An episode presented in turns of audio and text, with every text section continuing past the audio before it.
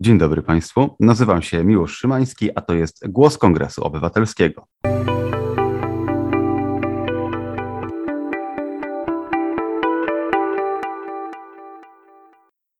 Moim gościem jest dzisiaj profesor Przemysław Śleszyński z Instytutu Geografii i Przestrzennego Zagospodarowania Polskiej Akademii Nauk, a także Polskiego Towarzystwa Geograficznego. Dzień dobry panu. Dzień dobry panu, dzień dobry państwu.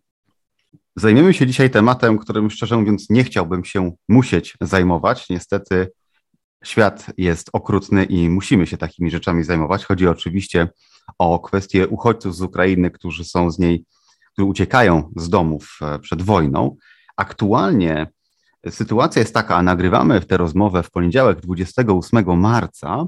Wczoraj Straż Graniczna odnotowała rekordową niską liczbę Ukraińców, którzy przekroczyli granicę. To było 27 tysięcy ludzi w stosunku do szczytu, który wynosił około 100 tysięcy. Znaczy, można powiedzieć, w sobie ta fala się przetoczyła z uwagi na to, że działania e, wojenne trochę wyhamowały, ale wszystko wskazuje na to, że wyhamowały nie dlatego, że Rosja się z tej wojny wycofuje, tylko dlatego, że szykuje kolejne uderzenie, więc ta fala może znowu wezbrać. E, kolejni setki, może tysięcy ludzi, może więcej e, przekroczą nasze granice i do nas przyjadą.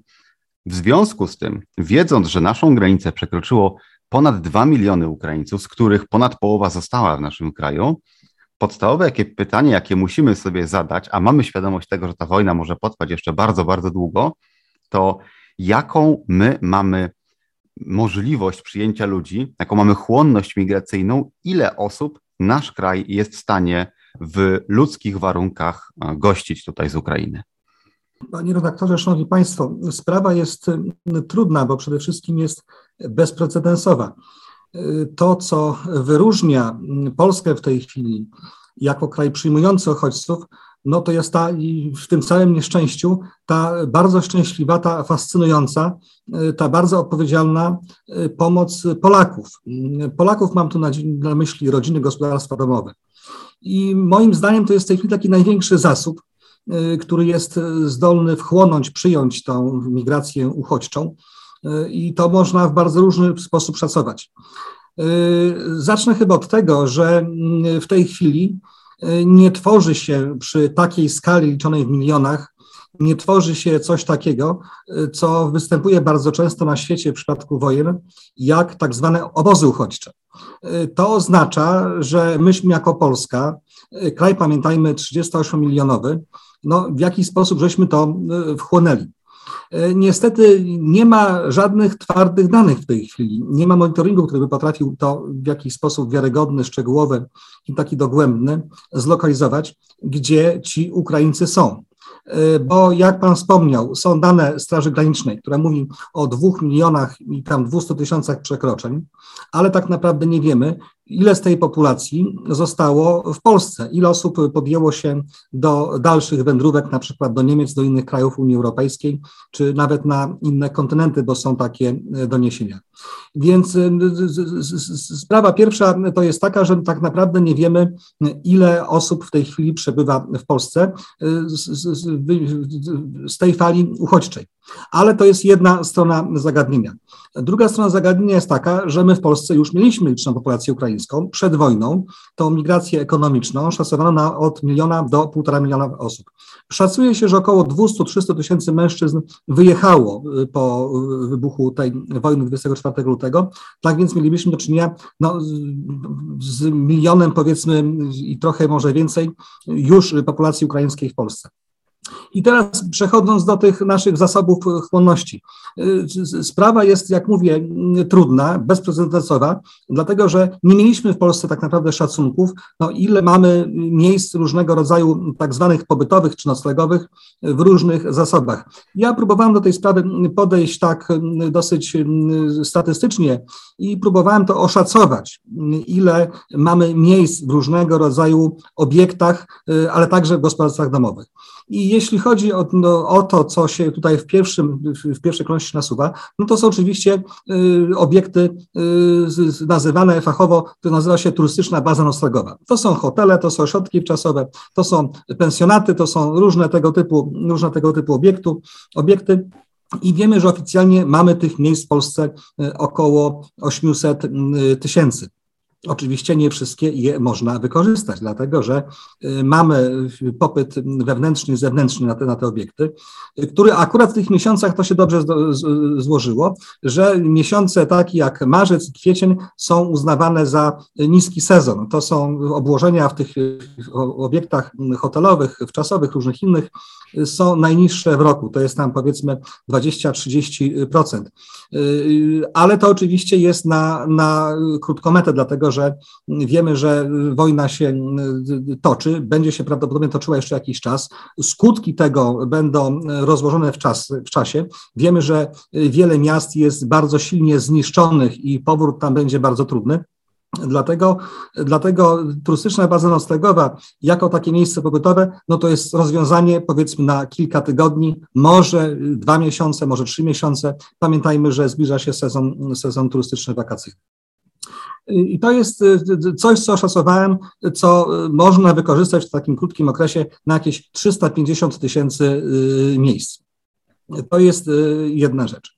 Y, wiemy też, że mamy spośród tych różnych innych zasobów, mamy różnego rodzaju y, mieszkania na wynajem. I według różnych organizacji, które koncentrują, które, w których są różni pośrednicy nieruchomości, są różne szacunki, mamy od miliona do dwóch milionów mieszkań na wynajem. Ja przypomnę, że wszystkich mieszkań w Polsce jest zgodnie z ostatnim spisem powszechnym 15 milionów 400 tysięcy około. Więc y, ten milion dwa, no w jakiś sposób możemy sobie to tam y, przeliczyć, to jest od kilku do kilkunastu procent naszych zasobów mieszkaniowych. Y, te mieszkania wiemy, że już zostały w dużej części wynajęte. Gdyby no, przyjmować pewne założenia, to można mówić o 250-300 tysiącach mieszkań na wynajem, takich dodatkowych, które można było po tym 24 lutym wykorzystać. Jakie są jeszcze inne możliwości? Ja mówiłem o tych gospodarstwach domowych i tutaj są y, dwie kwestie.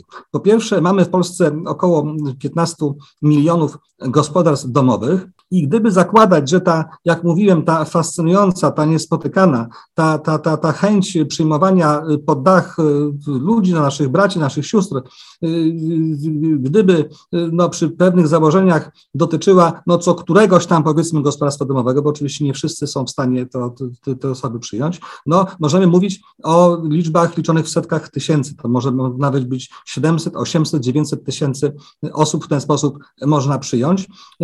No i też pytanie, czy krótkookresowo, czy długookresowo. Jeśli długookresowo, to konieczna jest na pewno, konieczne jest na pewno wsparcie jakieś, jakieś finansowe. Wiemy, że y, nie jesteśmy krajem aż tak bardzo bogatym, żeby, żeby na masową skalę y, każda rodzina, czy tam co któraś przyjmowała, te osoby je utrzymywała. To jest, to jest jakby oczywiste. Ale jest coś, o czym się y, rzadziej mówi, i jest to populacja Ukraińców, którzy byli już przed wojną. No i z doniesień różnego rodzaju wiemy, z własnych też obserwacji, sami przecież też udzielamy y, pomocy, kontaktujemy się z Ukraińcami, mamy z nimi kontakt, wiemy, że te osoby, które były już w Polsce i te osoby, które mieszkały, pracowały, przyjmują swoich kuzynów, znajomych, rodziny swoje, y, tylko to też ma no, pewną swoją oczywiście, swoje oczywiście ograniczenia i, i to nie można w nieskończoność przyjmować y, w sytuacji, no, kiedy już te mieszkania wynajmowane przed wojną przez Ukraińców no, były już w jakiś sposób obłożone. Ale pamiętajmy, że duża część uchodźców to są dzieci i tutaj te potrzeby jakby lokalowe są trochę, trochę inne. Jakie mamy jeszcze inne rodzaje y, możliwości zapewnienia dachu nad głową? Y, to są różnego rodzaju ośrodki pomocy wsparcia społecznego, domy pomocy społecznej, różnego rodzaju tego typu obiekty, y, tylko że problemem tutaj jest to, że one są bardzo silnie obłożone. Obłożenie tych, tych ośrodków to jest na poziomie około 80-90, czasem nawet procent, tak to wynika z danych statystycznych, więc tamte możliwości są, są niewielkie, to jest poniżej 100 tysięcy osób. I teraz przejdę do, do tego, co dzieje się i co obserwujemy z różnych doniesień medialnych, z własnych obserwacji. To jest to wsparcie samorządów i różnych organizacji pozarządowych kościołów. Tutaj ja stawiam taką tezę, że, że że gdyby umiejętnie połączyć te zasoby właśnie samorządowe, które znają sytuację w swoich gminach, w swoich y, miejscach, gdzie one funkcjonują, gdyby to połączyć z potencjałem przedsiębiorców, którzy no, zatrudniali albo chcą zatrudniać i jeszcze dodatkowo z, ze wsparciem rodzin gospodarstw domowych poprzez na przykład instytucje kościoła, tutaj mamy stosunkowo dużą liczbę. To może być kolejne kilkaset Y, tysięcy y, miejsc y, pobytu. Mamy oprócz tego jeszcze, jeszcze różnego rodzaju placówki Skarbu Państwa, jakieś obiekty lasów państwowych, agencji rolniczych, ochotniczych chów pracy i tak dalej. No to jest, to jest, to najtrudniej jest oszacować, bo żadnych nie ma baz danych, które by to potrafiły nam w jakiś sposób to przedstawić. To można szacować od 100 do 300 tysięcy, tysięcy osób.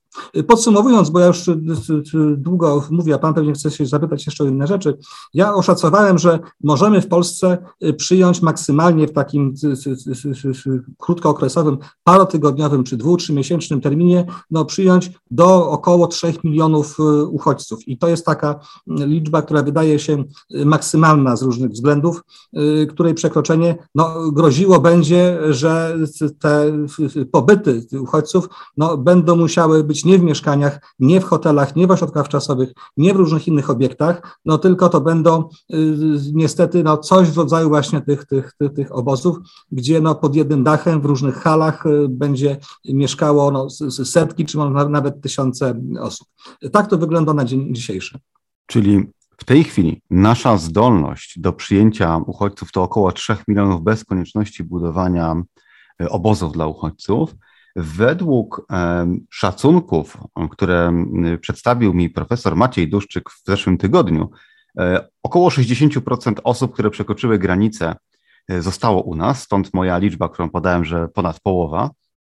E, przy czym ci, którzy wyjechali za granicę, to byli w dużej mierze ci, którzy mieli rodzinę za granicą i po prostu mieli dokąd jechać, bo zauważalny jest taki trend, że uchodźcy, którzy przekraczają granicę, starają się trzymać albo blisko granicy, albo ewentualnie w wielkich miastach. Oczywiście wyjazd do innego kraju jest już dużo bardziej ryzykowny i starają się tego unikać.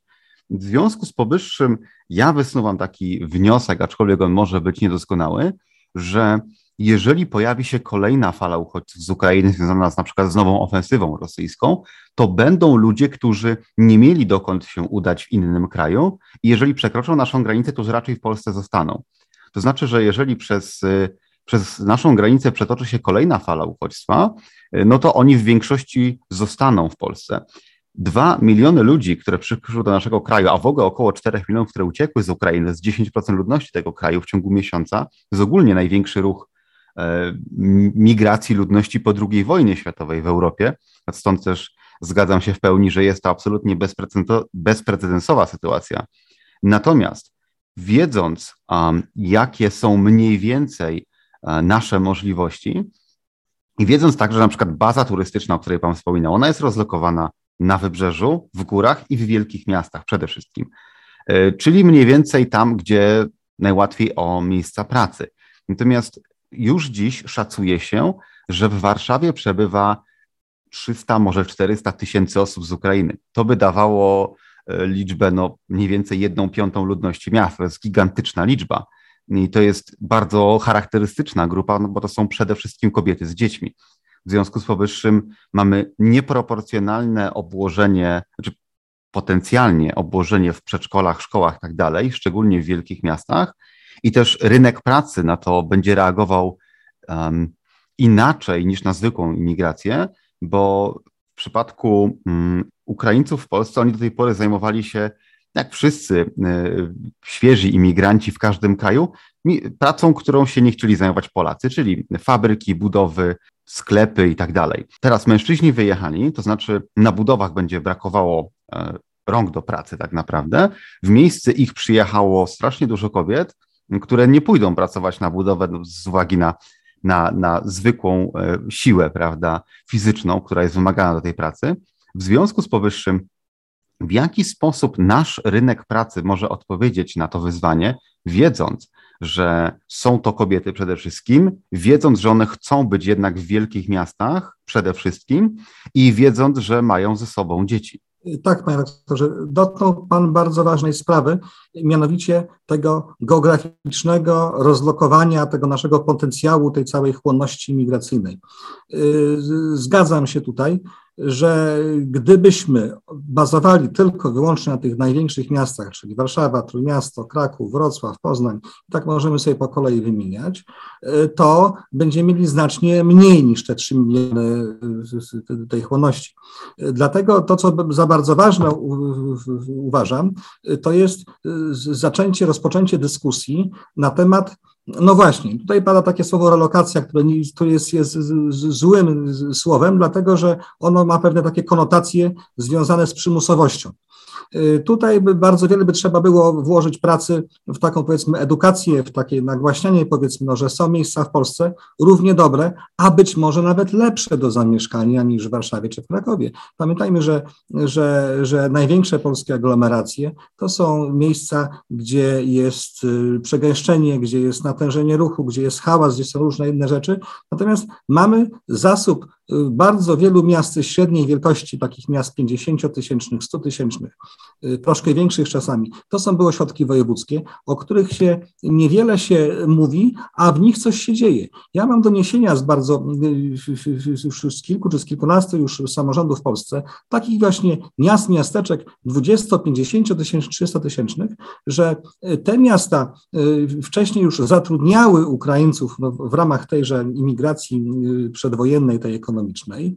Y, te osoby jakby ściągały swoje rodziny, nie tylko zresztą rodziny, to, to, to, to w różny sposób się odbywało, rodziny znajome jakimiś różnymi kanałami i że na tej bazie y, dzięki współpracy samorządów, dzięki współpracy przedsiębiorców i dzięki współpracy instytucji y, takich społecznych, publicznych, począwszy od kościoła, kończąc na różnego rodzaju NGOS-ach, udawało się wchłonąć nawet drugie czy trzecie tyle osób, które już wcześniej były. Więc ja bym zwrócił uwagę na ten potencjał tych, tych, tych różnych innych miast różnej wielkości w Polsce, poza tymi największymi miejscami w Polsce. I jeszcze rzecz jedna bardzo ważna odnośnie rozmieszczenia tych miejsc tak zwanych łatwych, znaczy łatwych w sensie, że można tam w każdej chwili pojechać i nocować w jakimś hotelu, czy w pensjonacie, czy w.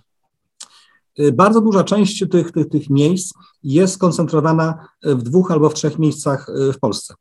Znaczy, no, hotele to są oczywiście Warszawa i Kraków, ale to są drogie miejsca, ale ośrodki wczasowe, pensjonaty to jest tak, to jest po pierwsze pobrzeże, zwłaszcza pobrzeże w województwie zachodniopomorskim, a także w województwie pomorskim. Następnie to jest pas gór, począwszy tam gdzieś od tej granicy ukraińskiej, od tego Polańczyka, powiedzmy Arłamowa, Soliny, tych, tych, tych, tych rejonów bieszczadzkich, poprzez Beskidy, poprzez Tatry i Podhale i gdzieś tam dalej jeszcze na, na zachód w kierunku Kotliny Kłodzkiej i w kierunku Sudetów.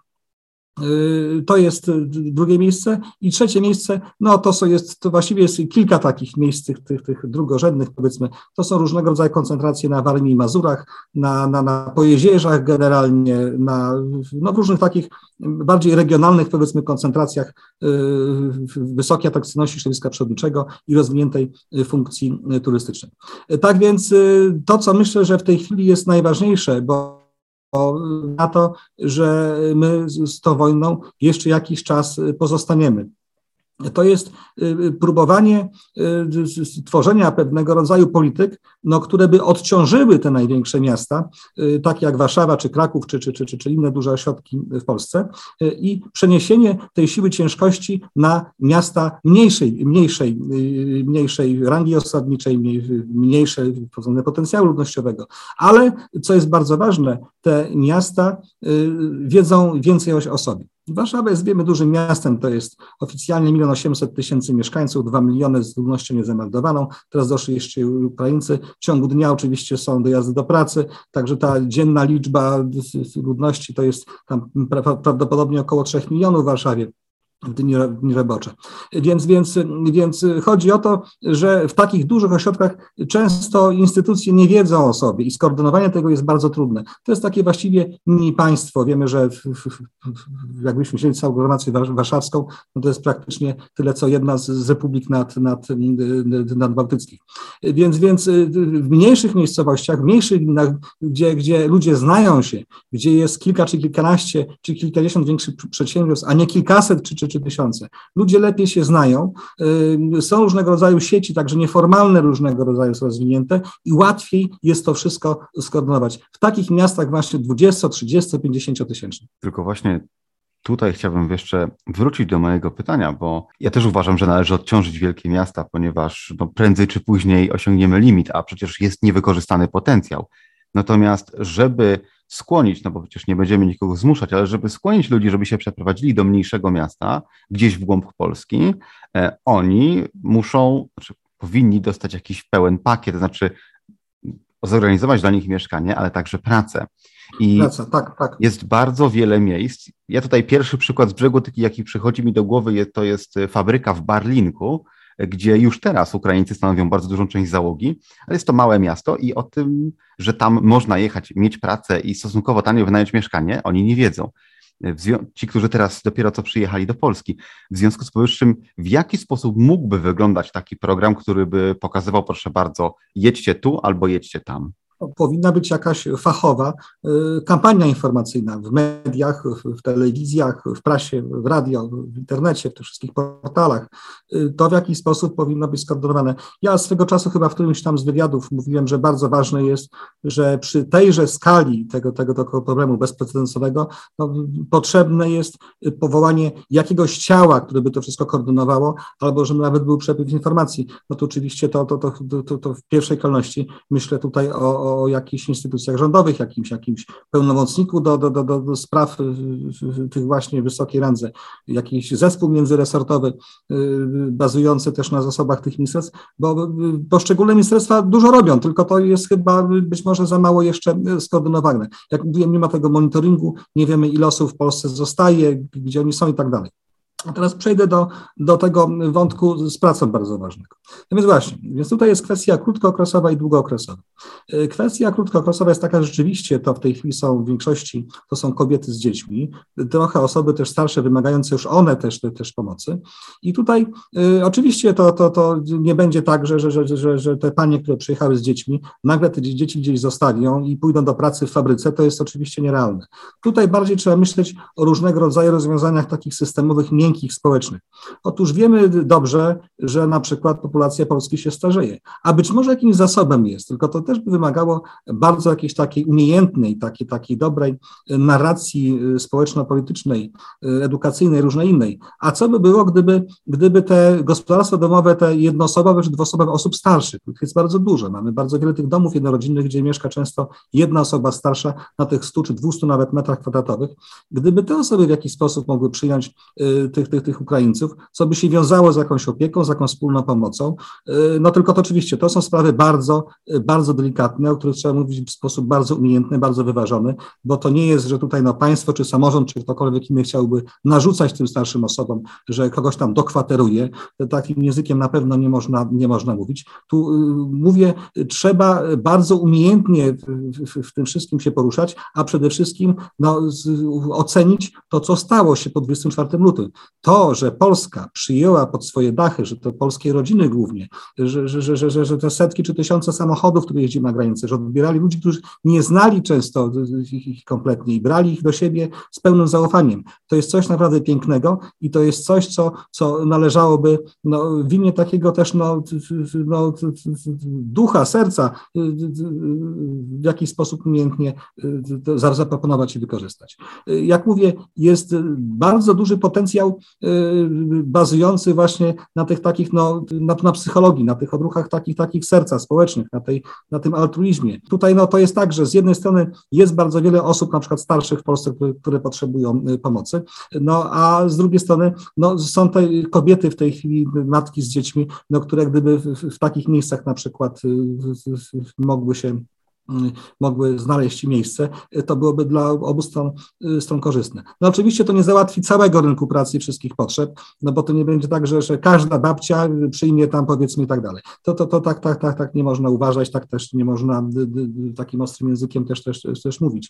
Y, y, na pewno pewnym potencjałem jest to, że no są to ośrodki turystyczne i jeśli mamy tych obiektów w Polsce no kilkadziesiąt tysięcy w sumie z pensjonatami razem z, z, z kwaterami turystycznymi, no to w naturalny sposób tutaj możemy mówić no już o jakby kontynuacji tego zatrudnienia, które było wcześniej. Wiemy, że duża część pań z Ukrainy pracowała w, w tych usługach hotelarskich, w usługach restauracyjnych, różnych tego, tego typu.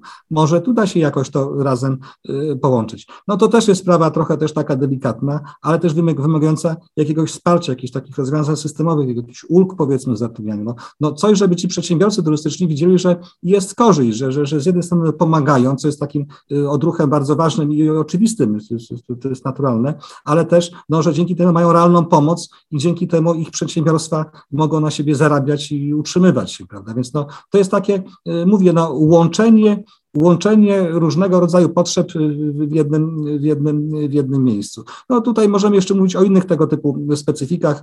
Wiemy, że no są przecież zawody Y, no, które są bardziej sfeminizowane niż mniej, na przykład y, oświata, opieka społeczna, y, tam też są pewne jakieś, pewnie jakieś, jakieś możliwości, no ale generalnie, generalnie to mówię tutaj o tym takim powiedzmy potencjale zatrudnienia krótkookresowym, który byłby powiedzmy w ciągu no, dwóch, trzech miesięcy, może wakacji, jeśli ta funkcja turystyczna, ale potem co dalej? No i tutaj jest trudniej, i to jest trudniej, dlatego że gdyby zakładać wariant taki powiedzmy najbardziej zły, to, że wojna będzie się przedłużała i że, że te osoby będą w Polsce pozostawały, trzeba y, szukać rozwiązań, które by pozwoliły w bardziej trwały sposób zintegrować, czy, czy, czy, czy, czy w bardziej trwały sposób zintegrować tę populację ukraińską no, w naszym społeczeństwie, w naszych różnych strukturach lokalnych, różnych, różnych innych.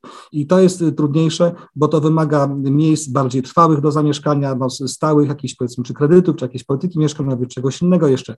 To jest dużo trudniejsze, no ale też trzeba takie warianty zakładać, że tak się y, może, y, może stać.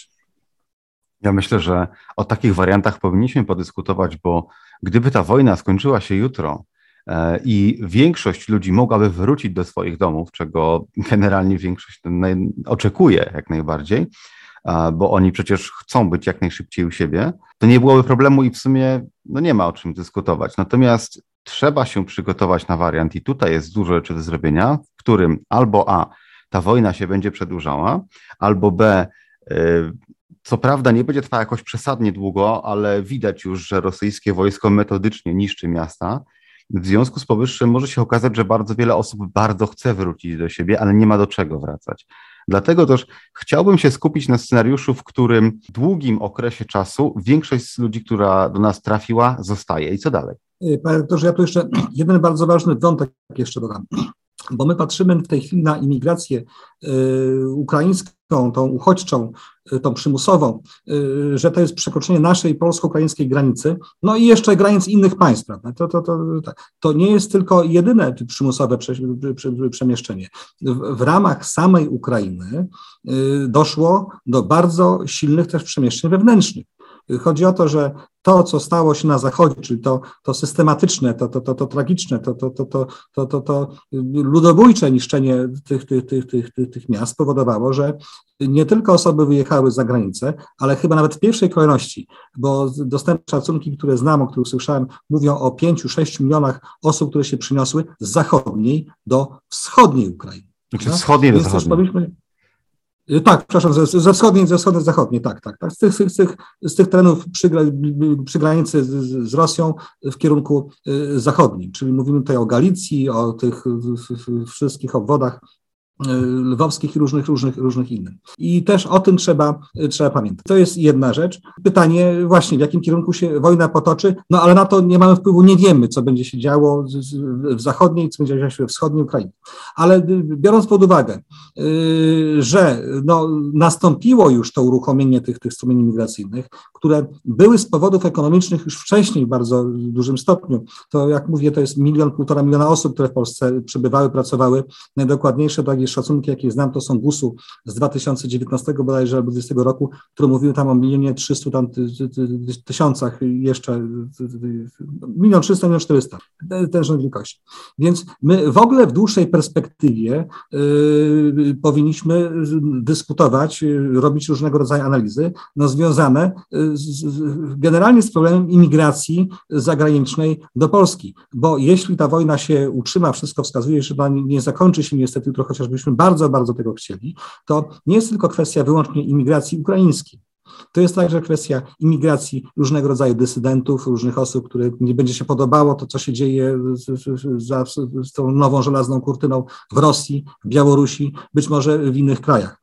Więc y, powinniśmy dyskutować jak najwięcej y, o tym, że Polska staje się z kraju dotychczas emigracyjnego, właściwie już stała się krajem imigracyjnym, bo to było przed wojną jeszcze. Tylko to nie było do końca we wszystkich statystykach odnotowywane, a już na pewno nie w bilansie ludności y, Polski, tym, tym, tym oficjalnym. Więc powinniśmy mówić o długofalowej, długoletniej, rozciągniętej w tej chwili trzeba już myśleć o wybiegać przyszłość o tę dekadę, czy dwie, czy trzy, co się będzie działo w, w, w Polsce, no, która staje się taką przystanią może stać się taką przystanią dla różnego rodzaju nie tylko uchodźców, no ale też imigrantów też ekonomicznych z, różnych, z różnych y, tych regionów no, byłego Związku Radzieckiego na przykład. I tutaj jest jedna bardzo ważna sprawa, to, bo to znane jest właściwie od, od, od wielu, już, wielu już lat, że mamy coraz większą lukę podażową na rynku pracy, to znaczy brakuje nam rąk do pracy. I takie szacunki przed wojną robiłem swego czasu, wykonywałem, y, to y, wychodziło w zależności od poziomu zatrudnienia, y, poziomu tam robotyzacji, różnych innych rzeczy, wychodziło, że w perspektywie 2050 roku w Polsce może brakować od dwóch do nawet siedmiu milionów rąk do pracy. Przyjmując ten wariant pośredni, który był najbardziej wtedy, był najbardziej, najbardziej e, taki e, prawdopodobny, w tej chwili mamy wojnę, mamy zupełnie inne to otoczenie, to, to by trzeba było zweryfikować, ale e, wychodziło od 3,5 do 4 milionach rąk do pracy, że będzie nam brakowało. To jest kwestią tylko rąk do pracy, to jest kwestia no, też także rodzin przecież, więc ta, ta imigracja może być nawet większa, bo wiemy, że życie nie znosi próżni i to, co działo się w latach, w ostatnich pięciu latach przed, przed tą wojną, no, no, to było to zasysanie y, pracowników no, z powodu narastającej tej luki podażowej na rynku pracy. Tak więc to, co bardzo ważne jest w, tym momencie, to kwestia odważnego mówienia, co nas czeka w ciągu 10, 20, 30 lat, w związku z tym, że Polska się depopuluje, że zmniejsza się liczba ludności w wieku produkcyjnym, że mamy w tej chwili te 16 tam, czy 16,5 miliona y, miejsc pracy w Polsce i że z, z powodu właśnie wyludniania się naszego naszego społeczeństwa, w sensie narodowości obywatelstwa polskiego, y, będzie tych rąk do pracy brakowało i w jakiś sposób to będzie musiało być uzupełnione, bo życie nie znosi próżni, a jeśli nie będzie uzupełniane, to, to gospodarka straci na tym, to jest, to jest oczywiste. No właśnie i teraz y, poruszył Pan kwestię emigrantów zarobkowych. Ja jestem w stanie sobie wyobrazić scenariusz, w którym ta wojna się kończy za jakiś czas. Ukraina jest krajem zrujnowanym, e, Rosja także przy czym Rosjanie potrzebują wiz i tak dalej, więc oni tutaj raczej trafiać nie będą. Natomiast może się pojawić taka sytuacja, w której e, w tej zrujnowanej, zniszczonej Ukrainie po prostu nie będzie miejsc pracy. I nagle pojawi się kolejna fala uchodźców, tym razem już stricte zarobkowych, powojennych, że tak powiem, którzy przyjadą do nas, żeby zarobić jakiekolwiek pieniądze, żeby utrzymywać rodziny tam, albo żeby tam zbudować sobie nowe domy i tak dalej. I oczywiście jakiekolwiek mm, próba oszacowania, ile to może być ludzi w tej chwili jest raczej skazana na porażkę, tym bardziej, że nie wiemy, jak długo ta wojna się będzie toczyć i ile tak naprawdę e, tysięcy, setek tysięcy albo milionów ludzi straci dach nad głową. Wiemy na chwilę obecną, że Mariupol praktycznie rzecz biorąc przestał istnieć, że Charków jest w dużej mierze zniszczony. Miasto przed wojną półtora milionowe przecież, a Mariupol półmilionowe. E, bardzo wiele mniejszych miast jest zniszczonych, a to w dalszym ciągu jeszcze to jest jeszcze ogarnialne, że tak powiem, nawet siłami Ukrainy z pomocą e, Unii Europejskiej chociażby. Natomiast jeżeli ta wojna potrwa jeszcze rok, dwa, trzy, to biorąc pod uwagę fakt, jaką ilością broni e, niszczącej dysponuje Rosja w sensie rakiet i artylerii, możemy sobie wyobrazić scenariusz, a jest bardzo wiele przecież takich porównań, że Ukraina jest, przeżywa teraz to, co myśmy przeżywali we wrześniu 1939 roku, Możemy sobie wyobrazić scenariusz, w którym Ukraina będzie nie, za jakiś czas przeżywać to samo, cośmy przeżywali wiosną 1945 roku. I ja się teraz zastanawiam, po pierwsze, nad tym, pomijając to, jak możemy pomóc Ukrainie w odbudowie, to jak wielu ludzi może z Ukrainy do Polski przyjechać, a jak wielu też z innych krajów, w sensie no najbardziej, najprawdopodobniej z Białorusi i z Rosji, będzie próbowało się dostać do Polski, bo jest spora szansa, że rosyjska gospodarka pod ciężarem sankcji się po prostu rozsypie. Dokładnie tak. No i tu już wchodzimy w bardzo taką, powiedziałbym, zaawansowaną futurologię. Nie wiemy, co się może wydarzyć, no ale zawsze możemy brać pod uwagę różnego rodzaju zdarzenia z przeszłości, nawet tej odległej. To, co jest, jest pewne, mamy do czynienia i będziemy mieli z przemieszczeniami ludności o niespotykanej dotychczas skali w tej części Europy, właściwie nawet w całej Europie od czasów II wojny światowej. I powinniśmy sobie konstruować różnego rodzaju scenariusze co będzie, jeśli właśnie na przykład to, co Pan powiedział, że jeśli gospodarka e, Rosji będzie się walić, Białorusi będzie też się walić, że Ukraina będzie się, no, trudno będzie jej się od, odbić od, od, od tych zniszczeń wojennych, odbudować. Co będzie, jeśli na przykład zechce 20 milionów na przykład osób do Polski e, przyjechać, co myślę, że e, nie jest niewyobrażalne w sensie takim futurystycznym. Nam w tej chwili trudno takie rzeczy uwierzyć, no ale też mało kto wierzył, że wojna wybuchnie, tego, że będzie z taką, z taką brutalnością będzie prowadzona. Więc powinniśmy być przygotowani na bardzo różnego rodzaju scenariusze związane z tym, co się będzie działo i także te przemieszczenia liczone, które mogą być nawet w dziesiątkach milionów osób w dłuższej perspektywie. I tutaj jest też trochę dobrych, powiedziałbym, przesłanek na przyszłość, mianowicie jeśli na przykład chodzi o samą Ukrainę albo Rosję, no to są narody, y, które mają bardzo silną diasporę na świecie. Ukraińcy y, mają około miliona y, osób swojej narodowości, jest, jest w Kanadzie niecały milion, w Stanach Zjednoczonych, w Brazylii to też może nie jest tak znane, to, to, o tym też powiem. Następne kraje jak Niemcy, to jest dużo, dużo mniej, to jest tam w Niemcy to jest 200-300 tysięcy powiedzmy w porównaniu do tych milionowych diaspor w Brazylii, w Kanadzie i w Stanach Zjednoczonych. Więc to jest też jakiś sposób na, na, na, na wchłonięcie tej, tej, tej imigracji. No ale tak, bardzo ważne pytanie, co będzie w ogóle z tym regionem świata. Dlatego, że jeszcze przed wojną, to są rzeczy no, doskonale wśród demografów i geografów ludności znane, ten region, mianowicie region Europy Środkowo-Wschodniej, począwszy od, od republik nadbałtyckich, poprzez Białoruś, poprzez Ukrainę, a także poprzez Polskę, poprzez Słowację, poprzez Węgry, poprzez y, Grecję, częściowo Bułgarię, Rumunię i niektóre kraje, kraje y, bałkańskie, te, te, te po rozpadzie były Jugosławii, to są, to są kraje, które w perspektywie 2050 roku miały się najszybciej na świecie wyludniać. Tam jeszcze gdzieś tam Japonia się pojawia, pojawia się Portugalia, jakieś inne, powiedzmy mniejsze, zupełnie y, bardziej oddalone, y, oddalone regiony, no ale w sensie y, potencjału ludnościowego, który tutaj jest, to jest tam te 150 czy 200 milionów ludzi, no w takiej koncentracji ludności to miało być największe zapadlisko demograficzne na, na, na świecie. Na to nakłada się wojna, na to nakłada się wojna.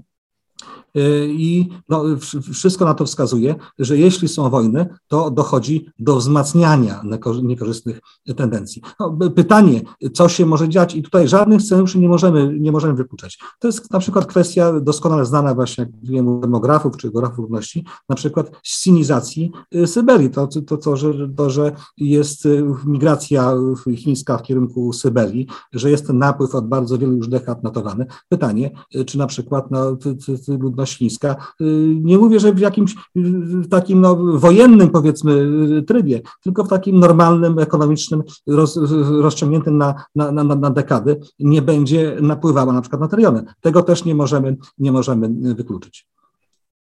Ludność e, Syberii e, wynosi około 40 milionów, zdaje się. Jest to e, na tym ogromnym obszarze kilkunastu milionów, chyba 13 dokładnie milionów kilometrów kwadratowych. 40 milionów to nie jest dużo, a 40 milionów to jest mniej niż większość chińskich prowincji, których jest 30, zdaje się, albo 40. Także największa chińska prowincja ma 100 milionów ludzi ponad. Także to nie jest wbrew pozorom dużo.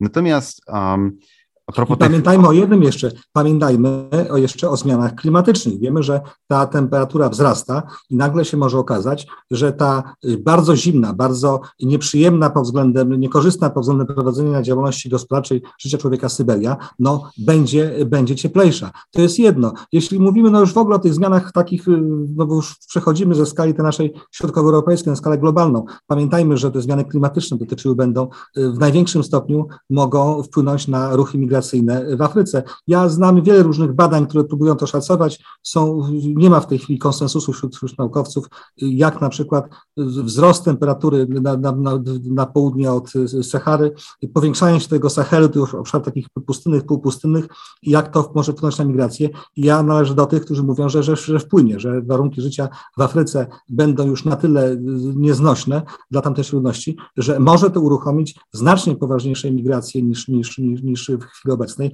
no w kierunku gdzie? W kierunku europejskim zwłaszcza. Yy, wiemy też, no, że Afryka będzie najszybciej się rozwijała demograficznie w perspektywie najbliższych dekad, co wynika no właśnie z tego, z tych, tych przejść demograficznych, z tego, z tej wysokiej dzietności, no i z wydłużania długości yy, życia. Także jesteśmy w bardzo ważnym momencie, jeśli chodzi o te, te, te kwestie globalne, a Europa Środkowa, no w takim już, no w tej chwili środkowa i wschodnia, w takim wyjątkowo, yy, wyjątkowo ważnym miejscu na świecie, tak mi się wydaje. Tutaj chciałem jeszcze dorzucić garść liczb. To były badania, zdaje się, ONZ-owskie, że Nigeria, która w tej chwili ma 210, zdaje się, milionów ludności, e, w ciągu 80 lat do 2100 roku ma mieć 700 milionów, być trzecim największym krajem świata. Także to jest ta skala wzrostu, o której mówimy.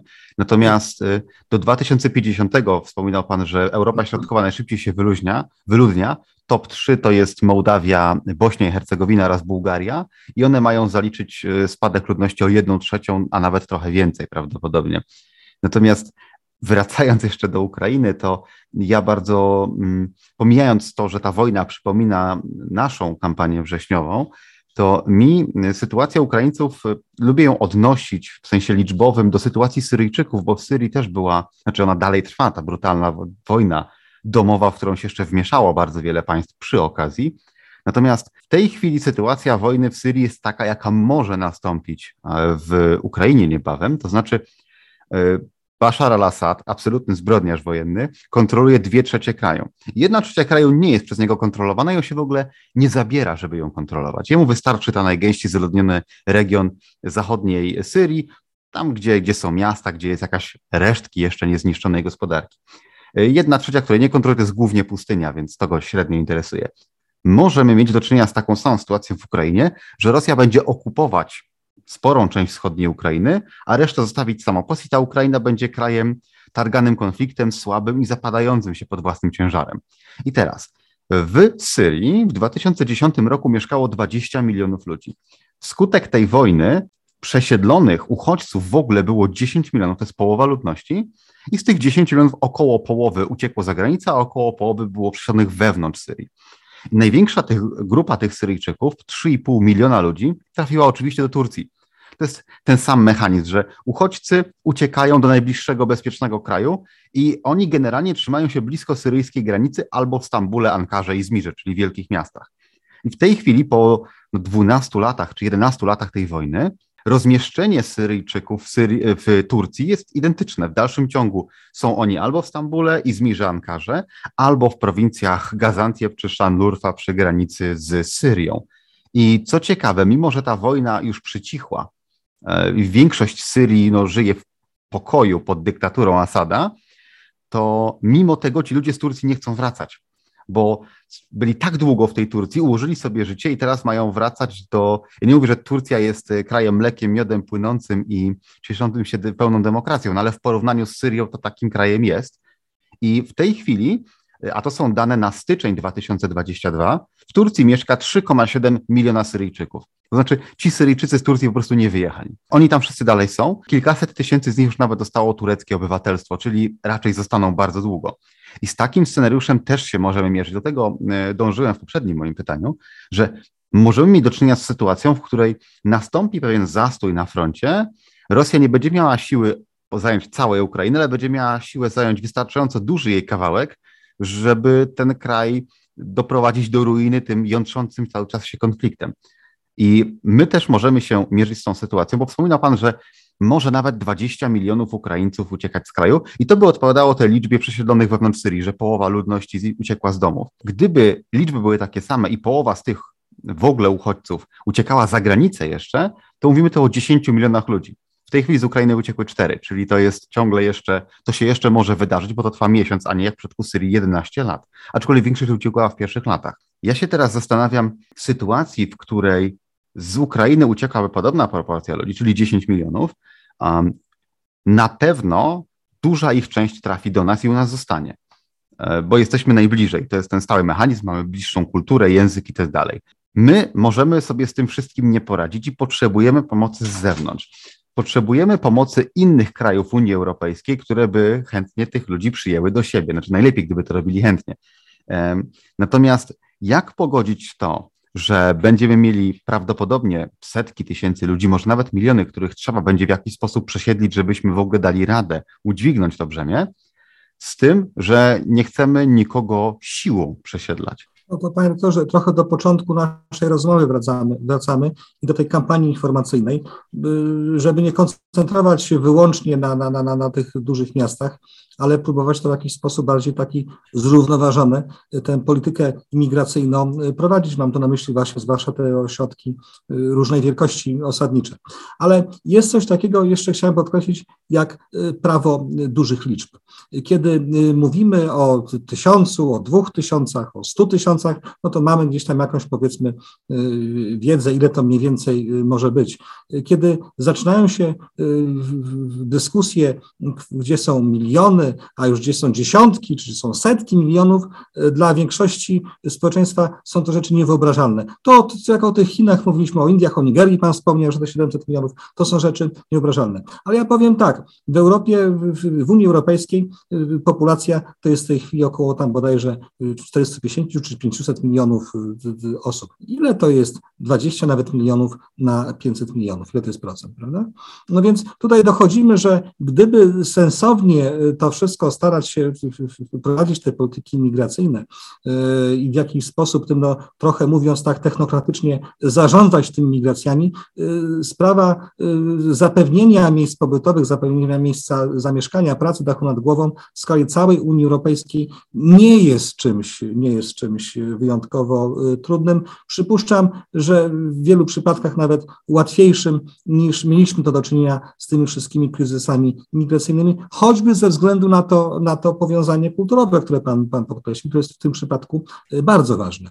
Y, także jest to y, prawo tych, tych, tych dużych liczb, ale jest też, no właśnie, ten potencjał tych krajów, które są gdzieś tam wokół Polski, czy w Unii Europejskiej, czy gdzieś indziej na świecie, że, że ja w tym wszystkim mam jedną rzecz jeszcze chciałem bardzo mocno podkreślić. Mianowicie, że w tym wszystkim nie ma ogólnoświatowej zgody do, do, do, do, do, do prowadzenia jakiejś polityki. Zobaczmy, y, czy ONZ w jakiś sposób nam, nam, nam reaguje, czy jakieś inne instytucje światowe, globalne nam w jakiś sposób reagują. Niestety, niestety nie.